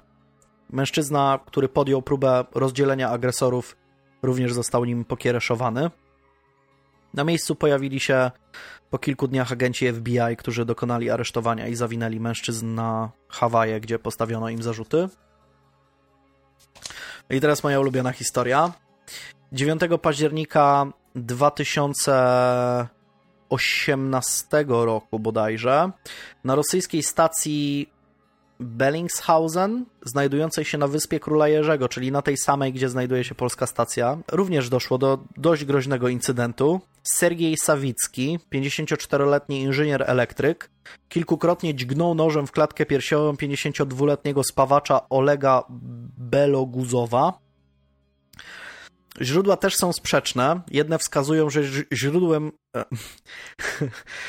że źródłem konfliktu był fakt, że spawacz spoilerował elektrykowi zakończenia książek, które ten wypożyczał z biblioteki. Ale troll. Inne, inne dla odmiany twierdzą, że Oleg zasugerował, żeby Siergiej zatańczył na stole w celach zarobkowych. Tak czy inaczej, mężczyźni pracowali ze sobą od 6 miesięcy i podobno konflikt między nimi narastał aż do feralnego 9 października. Wszystko jednak skończyło się w miarę dobrze, bo spawacz przeżył i wybaczył swojemu napastnikowi. E, biorąc pod uwagę brak wcześniejszych przewinień Siergieja oraz jego skruchę, a także fakt, że kolega no, mm, zapomniał o, o, o, o, o winach swojego ziomeczka i wybaczył mu, to razem zatańczyli w celach zarobkowych. To sędzia Anatolii Kowin w 2019 roku umorzył postępowanie w tej sprawie i no i razem wtedy potańczyli. Tak, tak. No wszystko zakończyło się, zakończyło się dobrze. Jeśli chodzi o sprawę Rodneya Marksa, to podejrzewam, że nigdy nie dowiemy się, co tak naprawdę tam zaszło. Um, trudno tak naprawdę, trudno tak naprawdę tutaj zgadywać. No, wszy wszystkie opcje wydają mi się niewiarygodne, tak? Zarówno samobójstwo wydaje mi się bardzo dziwne. Z tego, co się czyta o, o Rodneyu, co, co piszą o nim ludzie i tak dalej, to, to no, wydaje się to bardzo mało prawdopodobne, ale z drugiej strony czasami samobójcy wydają się być bardzo pozytywnie nastawionymi do życia ludźmi, więc tutaj. A z drugiej strony zabójstwo, kto mógłby chcieć mordować człowieka, otruć go i tak dalej, jeszcze w tak dziwnych okolicznościach, gdzie tak łatwo można zostać złapanym. A trzecia opcja, że chłop, który ma doktorat i jest ogólnie uważany za jednego z najmądrzejszych ludzi gdzieś tam w swoim środowisku, łapie za butle z metanolem. No chyba, żeby nawet słabym, mieli słabego Mibermana jakiegoś, no wiesz.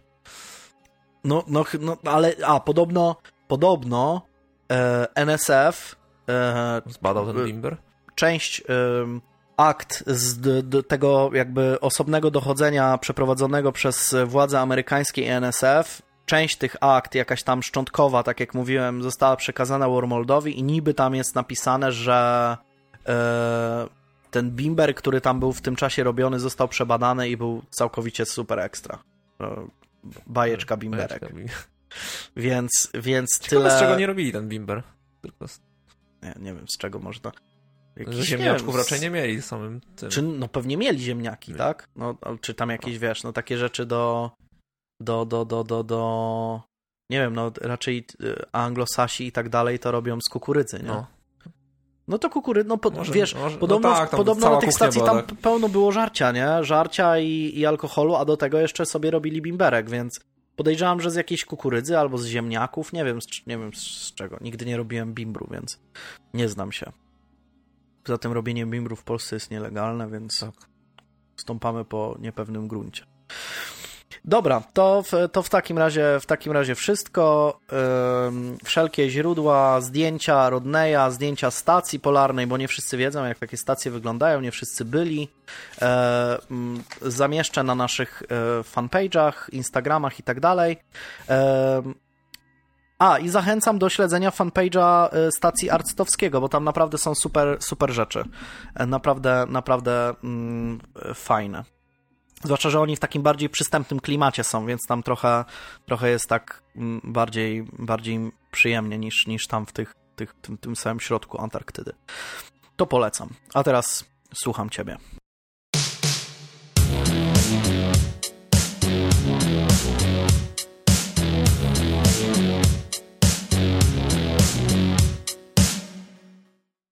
Mamy początek lat 60. Mm, jadąc z Łodzi w stronę Strykowa. Po lewej stronie ulicy Strykowskiej widać osiedle szeregowo ustawionych małych domów. To międzywojenne domki łódzkich tramwajarzy. Każdy z niewielkim ogródkiem przylegającym do sąsiada. Dalej znajdują się kolejne zabudowania, ale już znajdujące się na większych działkach, a i niektóre posiadają nawet małe gospodarstwa rolne. Ten klawę ogranicza na północy rzeczka, taka struga która nazywa się Sokołówka, która jak większość ówczesnych rzek bardziej przypominała wielkomiejski ściek. Nie wiem, jak to wygląda teraz. Za rzeczką e, w kwadracie ulic Woskowa, Kryształowa, Książka i Wycieczkowa leżały uprawne pola. I przypominam, że to, e, to było tak było kiedyś, czyli w tych latach 60., bo teraz jak sobie wbiłem w Google i sprawdziłem, jak to tam wygląda, no to tam są teraz eleganckie domki jednorodzinne, mhm. a, a nie czyli to są pola uprawne. takie o, obrzeża, obrzeża w, w kierunku Strykowa, jak jedziesz. No. Mhm.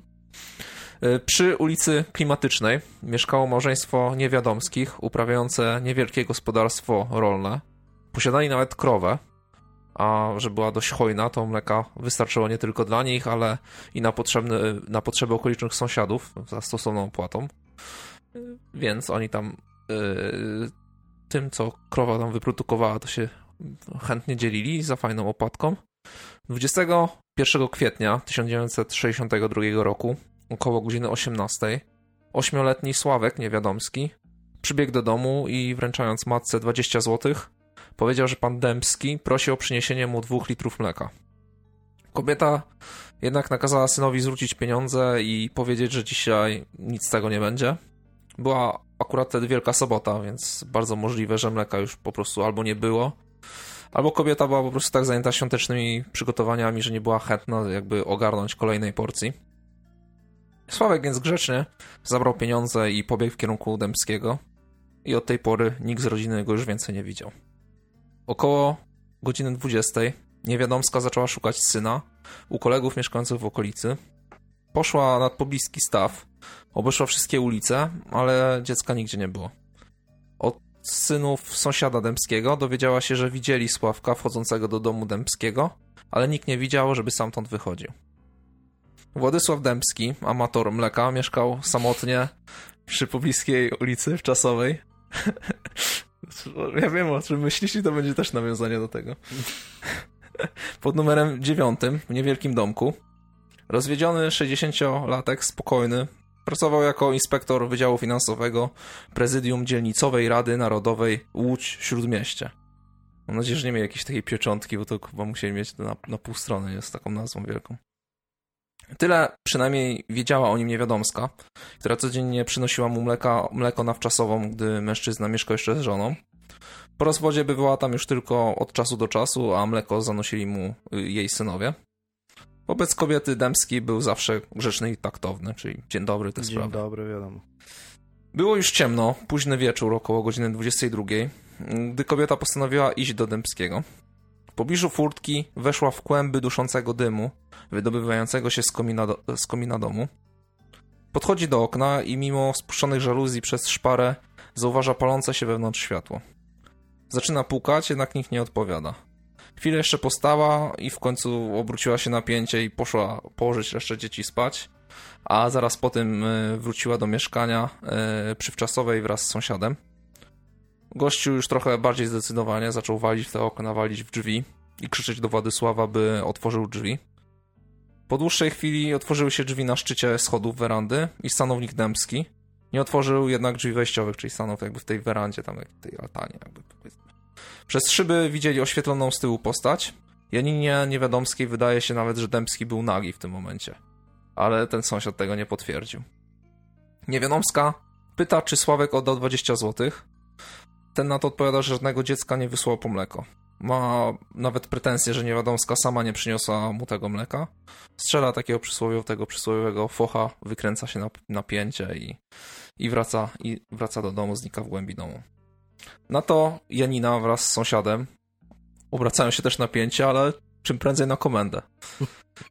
Dokładnie e, dochodzą do komendy dzielnicowej Łódź Bałuty. Zbliża się godzina pierwsza w nocy. Trzej milicjanci wraz z kobietą jadą najpierw na klimatyczną, sprawdzić czy młodziak aby nie wrócił do domu. Bo trochę by było głupie, jakby tam pojechali do Dębskiego, a to się okazuje, że Sławek sobie spokojnie wrócił. Sławka jednak w dalszym ciągu nie ma. Podjechali więc pod dom Dębskiego. Furtka była szeroko otwarta, żaluzje w oknach opuszczone, nie było widać światła z wnętrza. Pół godziny dobijają się do drzwi i okien, wreszcie odzywa się głos gospodarza. Przyjdźcie rano, to sobie wypijemy, teraz nie otworzę. I... Do milicjantów tak powiedział? No tak. Ale to jest dobre, nie? Policja się do ciebie tylko, dobija. Tylko, że wiesz, chodzi, chodzi o to, że y, on się tłumaczy z tego, że on nie myślał, że to są milicjanci. Aha. W sumie, w sumie jeden z milicjantów prosi jakby Dębskiego, żeby uchylił okno, żeby, o, okno, żeby zobaczył, że to milicjanci, on w to nie wierzy. Wychodzi na to, jakby miał jakiś taki styk w bani, że sobie pomyślał, że to jacyś koledzy, mhm. koledzy do picia jego. A że, że lubił też zajrzeć w, w kieliszek, no to, to na pewno takich kolegów miał wielu. Więc myślał może, że jacyś ziomkowie po prostu na chlanko przyszli. No ale przynajmniej tak się tłumaczył. Patrol y, musi odjechać na ulicę centralną, gdzie podobno kogoś pobito. Około godziny 4.30 wracają pod dom Dębskiego. Był już świt, a na pukanie dalej nikt nie odpowiada. Sprawdzałem jeszcze na szybko, czy, czy aby Sławek nie wrócił do domu. I w końcu dowódca patrolu podejmuje decyzję o wyłamaniu drzwi. Szpadlem i samochodową łyżką wyważają drzwi od werandy. Za nimi zobaczyli drugie, jakby do środka, do wnętrza domu. Na to ze środka słyszą rozlegające się kroki, a te drugie drzwi nagle się otwierają i staje w nich Dębski. Ma na, na sobie... Na Golasa? A, nie wiadomo. nie, wiadomo. wiadomo. Ma na sobie zimowy płaszcz z podniesionym kołnierzem na gołe ciało. Ciuchy po domu, tak Ciuchy po domu. Ale w domu to się na gaciach chodzi. No, widzisz, a on w płaszczu, bez on w płaszczu. Ale takim zimowym, totalnym, totalnie, nie? Milicjanci wpadają do mieszkania. W środku jest, co jest też mega dziwne, jest okrutnie gorąco. Mm, podłoga pokryta jest grubą warstwą pierza.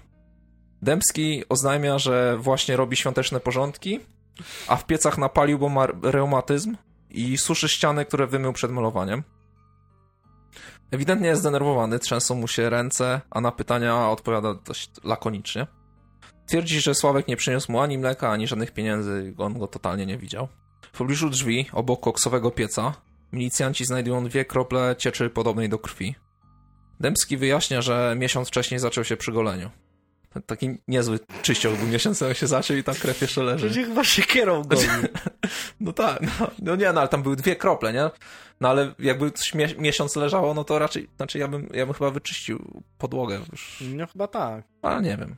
Każdy ma tam jakieś swoje przywary, nie?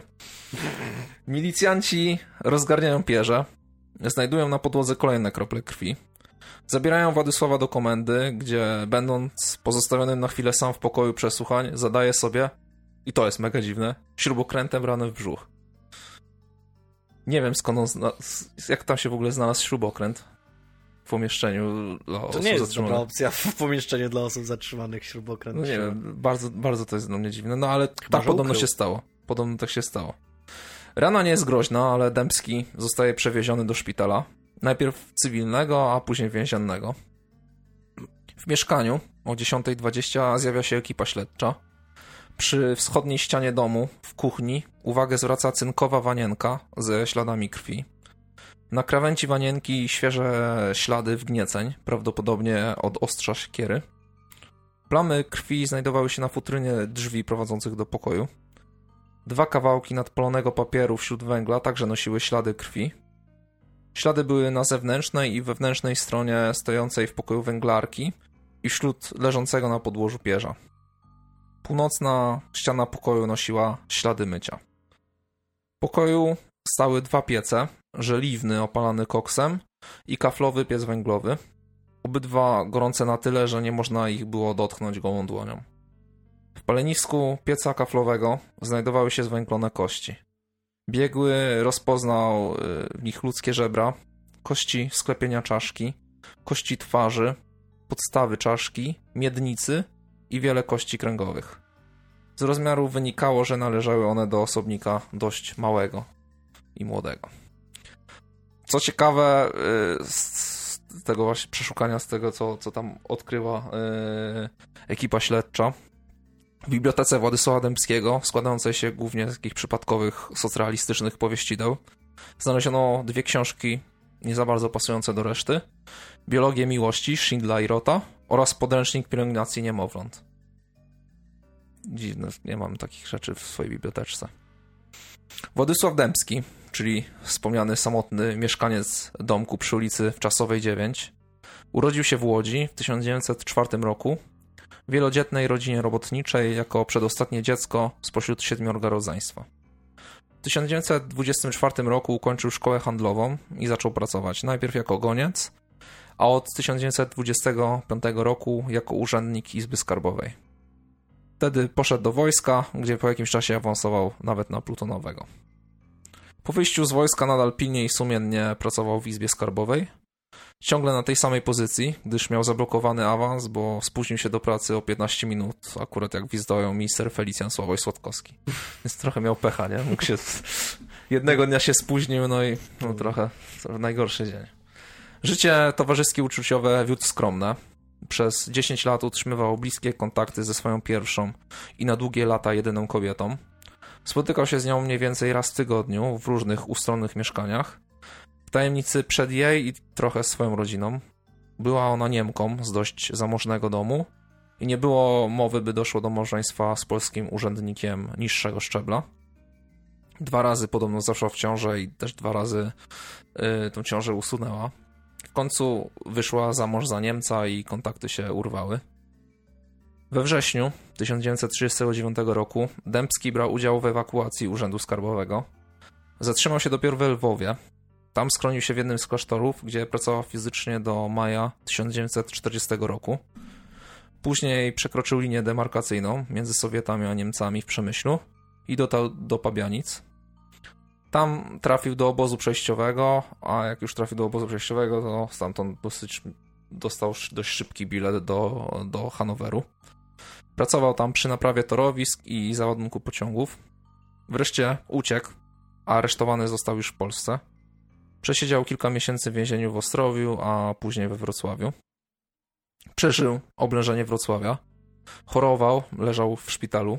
Leczył się podobno na nerwy. Tak to się nazywało na nerwy, no ale to rozumiem, że jakoś tam z problemami e, natury psychologicznej czy tam psychiatrycznej. I leczył się i wtedy we Wrocławiu, i jeszcze później po powrocie do Łodzi.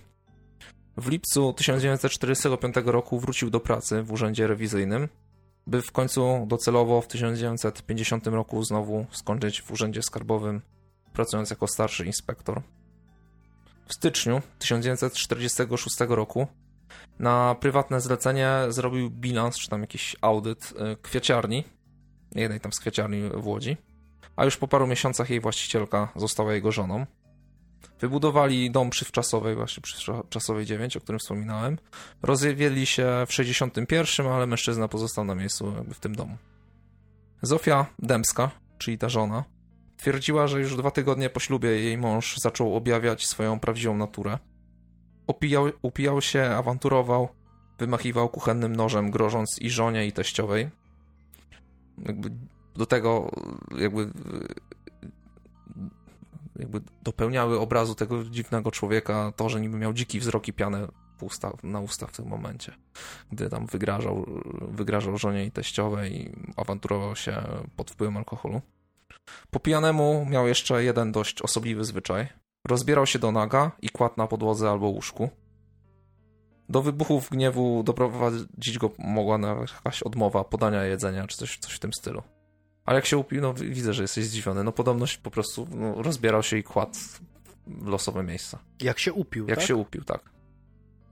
Ciekawe. No każdy ma tam jakieś swoje przywary, jak nie? w barze jakimś się upił, to też się rozbiera no, do bardzo możliwe. się, się kładł na podłodze. bardzo możliwe, ale jakby był moim znajomym, to raczej do baru się z nim nie wybiera. Jadł do tego niezwykle dużo i łapczywie, szczególnie po alkoholu. No i do tego pił okrutnie dużo mleka. To pasuje do takiego jednego warmianina.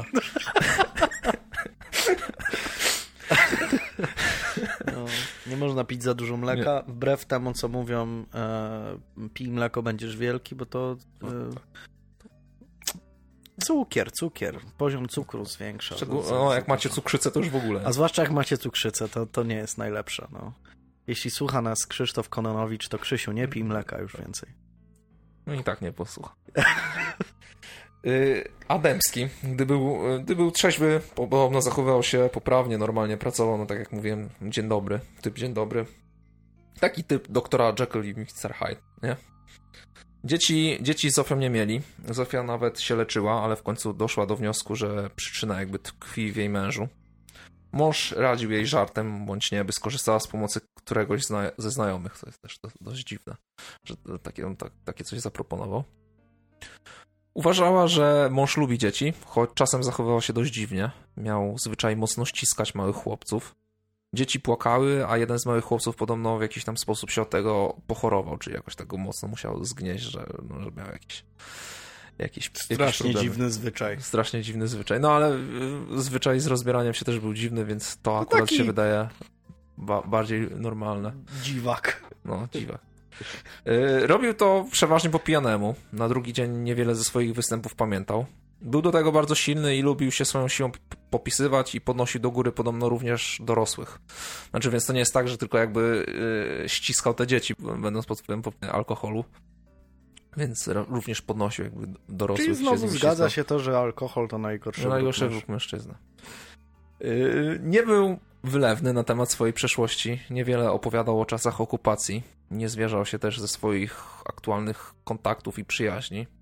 Mówił tylko, że ma wiele okazji do picia i dlatego pije. to jest dobre wytłumaczenie. No to nie, no to spoko.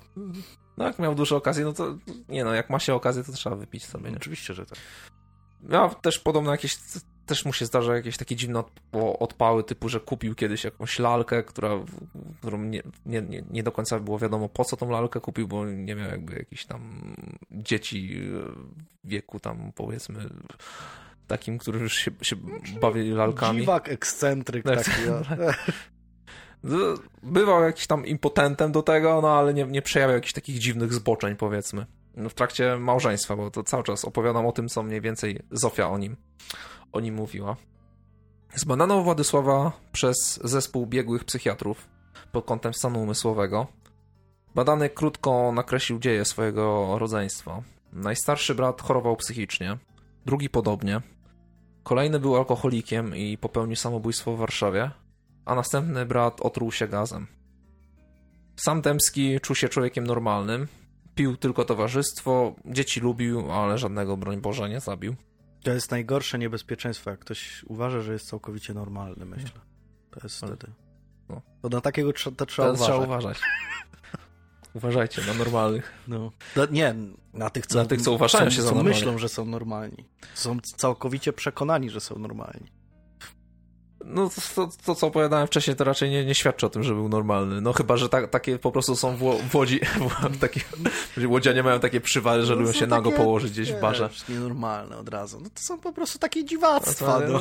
no takie małe, nie? Takie, wiesz. No. No tak. No, Najważniejsze, że nie pił bez okazji. Jak pić, to tylko no. jak się ma okazję. No czyli nie był alkoholikiem. Nie był, nie, broń nie Boże. W swoim przekonaniu miał jednego wroga, bezpośredniego przełożonego Mazurka. Uuu.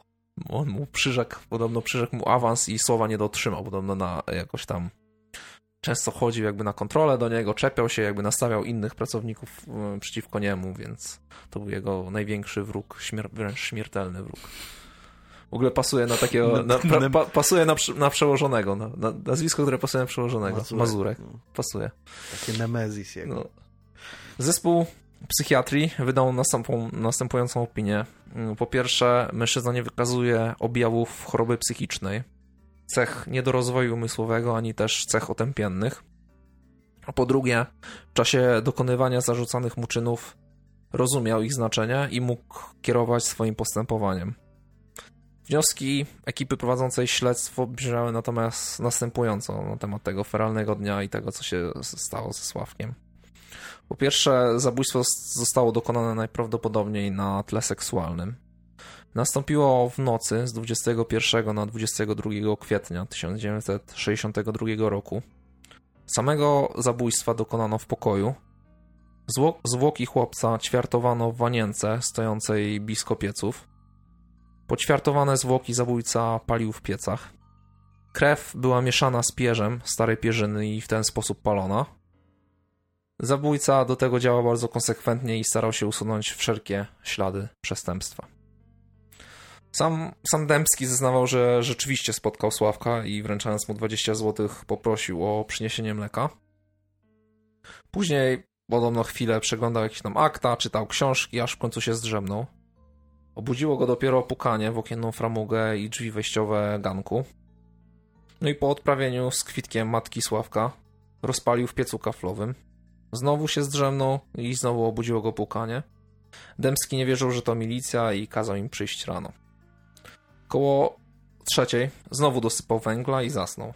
Spał do szóstej i wtedy znowu dosypał węgla, bo chociaż na dworze było ciepło, to palił, by wysuszyć zagrzybioną ścianę, bo tam wspominał o tym, że, że chciał dokonać jakiegoś remontu.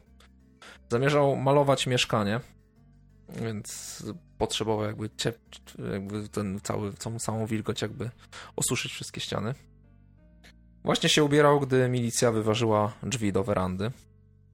W komendzie bardzo się denerwował, że milicja popsuła mu święta i tylko dlatego zranił się w brzuch. Dobrze, że sobie mleka nie wstrzyknął ten drugi pa, pajac, a, a też z Łodzi zresztą. Też z Łodzi. No to jest, jest jakiś taki punkt łączący wiele spraw to mleko. Ale ten śrubok to mnie, to, to, to wytłumaczenie mnie, mnie, ujęło właśnie, że, że zranił się brzuch śrubokręty, no bo, no bo no policja no, no się czepia, no milicja tam to jest lata. Zaczepiają Zaczepiają ludzi, no. i no, człowiek nawet świąt nie jest w stanie spędzić. No. W święta mogliby odpuścić człowiekowi. Mogli, taki powinien być jak e, noc oczyszczenia. nie? no, no. Jaki, no dzień, że możesz robić sobie co chcesz, no bo wiesz. Tak, to są święta w końcu. To są święta. Yy, Pierze, mm, o którym wspomniałem, zniósł ze strychu jeszcze w piątek. Podobno miał zamiar im wypchać poduszki. W kaflowym piecu spalał różne śmieci, szmaty, jakieś resztki jedzeń, w tym starą kiełbasę, trzeba było zaznaczyć. Przed rozpaleniem ognia nie oczyszczał rusztu z poprzedniego popiołu. Więc jeżeli w piecach znaleziono kości ludzkie, to to, to, to co? One, z tego, co on tłumaczył, to, to mogły one zostać podrzucone przez wrogów i najprawdopodobniej przez podchodziły... Mazurka. Przez Mazurka, dokładnie. I prawdopodobnie podchodzi, pochodziły z cmentarza. Jak to zrobiono? Ja, jacy dokładnie wrogowie? No raczej było główne podejrzenie skierowane na Mazurka, ale to tak, wiesz, to tak po cichaczu, nie? Po cichaczu. No to naprawdę musiałaby to być szeroko zakrojona akcja. No, no nie oczyszczał rusztu już, wiesz, z poprzedniego popiołu, więc no, os, no, ostatnio mógł spalić. No, różne jakieś... rzeczy się pali, no, nie wiem, ludzi, no, piec, no, można, no, można, że... Nie oczyścisz rusztu i wtedy no, i padają podejrzenia na ciebie, nie no. wiadomo no, z jakiej racji. Przyjdą i się czepiają, nie proszę, się czepiają. Jeśli chodzi o ślady krwi, to różne osoby witały do jego mieszkania i mogli się skaleczyć. Cynkową wanienkę wyniósł z piwnicy, bo miał zamiar urządzić pranie piecu koksowym stanowczo nie rozpalał. Więc nie wiadomo skąd tam się znalazł, jakby mm, czemu był ten piec rozpalony do czerwoności. Mazurek rozpalił. Bardzo możliwe, że to zrobił Mazurek. To jest tak, tak, taki antybohater straszny ten Mazurek, który się, wiesz, tak, jak człowiek sobie wyobrazi go jako taką postać, wiesz. No, jak, jak taki jak, szpieg z krainy deszczowców. Tak, no, no, jeszcze gorzej nawet. Końcu doszło do rozprawy, która odbyła się 14 maja 63 roku. Znaczy 14 maja to się ona rozpoczęła, bo trwała, trwała dużo dłużej. No, wiemy jaką nitkę obrony obrał oskarżony. Jednym z pierwszych świadków e, była doktor stomatolog ze szkoły, do której chodził Sławek. Potwierdziła, że zęby wydobyte z pieca są zębami Sławka. Wnioskowała to po zapisach w karcie chorobowej i po śladach jej wypełnień. Biegli orzekli ponadto, że kości pochodzenia ludzkiego znalezione w piecach Dębskiego należą do dziecka w wieku około 8-11 lat. Sławek miał w tamtym momencie 8 lat. Natomiast ślady krwi również odpowiadają grupie krwi, jaką miał Sławek Niewiadomski. Proces był jeden poszlakowy. Mm, pojawił się również świadek, który z Władysławem siedział w areszcie i który zwierzył mu się, że zabił ośmioletniego chłopca i żałuje tego, co robił, ale był wtedy pijany. Nic więcej podobno nie chciał mówić. Też jest coś w, tym, w tych sprawach z Polski, że często ktoś coś powiedział w więzieniu, nie? I wtedy ta tak, druga tak, osoba tak. się, no, się nagle... bardzo często. Ale to chyba w ogóle w takich... Często się to w sprawach kryminalnych w ogóle pojawia, nie? Że w więzieniu sobie siedzą i bajdużą, kto, no. kto, kogo i kiedy zabił. Nikomu nigdy nie powiem, ale w no, więzieniu, ale... słuchaj, no tak. polej czaju, pogadamy. No, a ten drugi wtedy no. pyk, obraca się napięcie i czym prędzej na komendę. To, no właśnie. No to, jak, ja nie wiem, czy oni nie czytają tych kryminałów w ogóle, czy nie wiem. Nawet się nie domyślam. Yy, mimo, że to jedno zeznanie, no, no koniec końców ono nie jest zbyt mocne, to nie jest taki dowód, wiesz, no, no. no. świadczący, że to na, pewno, na pewno się stało, to reszta wyjątkowo zgrywała się z aktem oskarżenia i dowodów było na bank więcej i były mocniejsze niż jakby w innych procesach poszlakowych. Więc yy, po, po wielu miesiącach kolejnych badań przeprowadzonych przez biegłych psychiatrów w końcu doszło do ogłoszenia wyroku. Władysława Dębskiego uznano winnym zabójstwa ośmioletniego Sławka Niewiadomskiego, z tym, że w chwili popełnienia przestępstwa zdolność rozpoznania znaczenia czynu i kierowania postępowaniem była u niego w znacznym stopniu ograniczona. Zabójca więc został skazany na dożywotnie więzienie oraz utratę praw publicznych i obywatelskich praw honorowych. Tak to się kiedyś w kodeksie karnym nazywało. Później zmieniono mu wyrok na 25 lat, Dębski jednak zmarł w więzieniu nie doczekawszy końca kary. Koniec tej bardzo smutnej opowieści. Byłem pewien, że ten, że, że, że go powieszą. No, dla, dlatego też wspomniałem o tym, że, że biegli ustalili, że, jakby, no, no, że nie no, miał no pełnej właśnie. zdolności postrzegania no to i swojego tak zachowania. Na takie, na takie PRL-owskie te procesy, to wyjątkowo, wyjątkowo profesjonalnie przeprowadzone z, z rozpoznaniem właśnie jakiegoś tam niepoczytalności czy coś. Mhm. Naprawdę, naprawdę, no co, no, no, no smutna historia, a e, ulica klimatyczna, tak? I ona... E, tak, tam jest klimatyczna, on był na wczasowej. Wczasowej i cały czas się tak samo nazywają tak. te ulice. Można sobie, ja, ja, nawet oglądałem sobie ten dom, nie wiem czy to jest ten sam dom, może Aha. ktoś tam, no jest, jest ładniej odnowiony, jest, wygląda na, na nowy. Ale zdjęcia są jakieś tego, y, do tej sprawy? Wiesz co, mam zdjęcia. Yy... Tak, wstawię ci zdjęcia. Jedne są bardzo słabej jakości. Mhm. I mam trochę wycinków z gazet, wiesz, z tamtego Aha, okresu. No to Więc super. to wstawię, a te, te zdjęcia nie wiem, czy coś tam będzie widać. Tam będzie ten piec, mniej więcej. No mhm. zobacz, zobaczysz, zobaczysz, jak to, jak wrzucisz na, na Facebooka, czy to w ogóle będzie, będzie cokolwiek widać. Dobra. No to wstawimy, wstawimy zdjęcia, zdjęcia jak zwykle naszych, e, naszych spraw. E, no wyjątkowo, wyjątkowo smutna, bo, bo, tam było mm, o tym, że mm, kontekst jakby seksualny, ale tak, ale, nie, no, ale wiesz, tam nie doszło do żadnego gwałtu, tylko no, po prostu... to wiesz, nie jesteś w stanie określić, jeżeli znalazł dosyć tylko kości, nie? No, no, on się do tego w żaden nie, sposób w żaden sposób się nie przyznał, no ale no, no, sprawa była typowo poszlakowa, no, mm. skazali go po, po szlakach, nie? Mm. No, no smutna, smutna, smutna, wyjątkowo smutna historia. E, Łódź. Kochana, kochana Łódź. Łódź. To w takim razie to w takim razie wszystko na dzisiaj. Mm, zaglądajcie na nasze social media, Instagramy, Facebooki, grupę na Facebooku i tak dalej. No i fanarty, fanarty. Czekamy na fanarty, bo są super. Znaczy ten pierwszy jest już ten super. Pier ten pierwszy jest, jest super. Jeśli, jeśli masz czas i chęci, to, to naprawdę będzie nam bardzo miło. A jak powstaną kasztaniaki, to już w ogóle... A jak powsta powstaną kasztaniaki, to już w ogóle. Dobra, to w takim razie wszystko. Do następnego. Cześć.